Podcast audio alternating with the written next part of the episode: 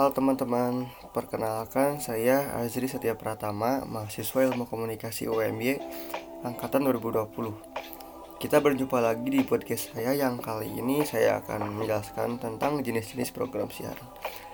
Tapi eh, untuk kali ini saya akan membahas salah satu dari jenis program siaran itu sendiri.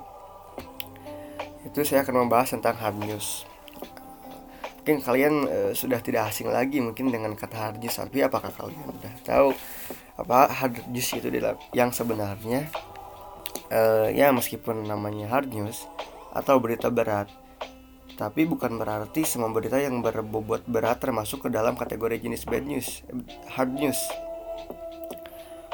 Sifat utama dari hard news adalah harus dinyatakan dengan sesegera mungkin supaya informasi penting tersebut dapat cepat diketahui masyarakat. Dan jika tertunda penayangan, maka berita tersebut akan basi.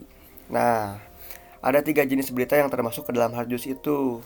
Itu yang pertama ada straight news atau berita langsung yang disampaikan dengan singkat dan terdiri dari inti-inti informasi yang perlu disampaikan.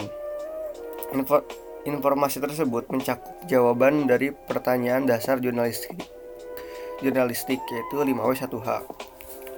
Tanpa memberikan informasi lebih mendetail yang ada di dalamnya, kita sering mendapati berita jenis seperti ini. Dan yang kedua adalah feature atau informasi yang cenderung lebih ringan dibandingkan straight news, namun memiliki keunikan, kekhasan, keanehan, atau hal yang lain menarik perhatian masyarakat luas. Misalnya, kita menonton program berita siang di hari di hari Jumat. Tak jarang kita mendapati berita mengenai tujuan wisata atau kuliner. Di hari Jumat itu kita e, banyak direkomendasikan dengan e, kunjungan akhir pekan.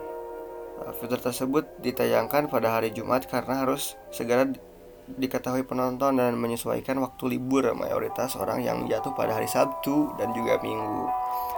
Lalu yang ketiga adalah infotainment. Infotainment adalah informasi yang mengenai selebriti atau orang-orang terkenal di layar kaca seperti aktor, aktris, bintang iklan, komedian, penyanyi, dan lain sebagainya. Di Indonesia, kita tentu tidak asing lagi dengan acara infotainment karena uh, Indonesia adalah sudah menjadi panggung hiburan, teman-teman. Karena sudah banyak juga program yang khusus menayangkan berita berjenis seperti itu, bahkan sehari bisa beberapa kali tayang. Entertainment termasuk ke dalam bad hard news karena tak jarang berita tentang public figure tersebut merupakan informasi yang dianggap penting menghebohkan dan harus segera ditayangkan atau kalau tidak akan menjadi basi. Nah, seperti itu mungkin teman-teman untuk kali ini yang bisa saya sampaikan. Terima kasih, saya Azri Setia Pratama.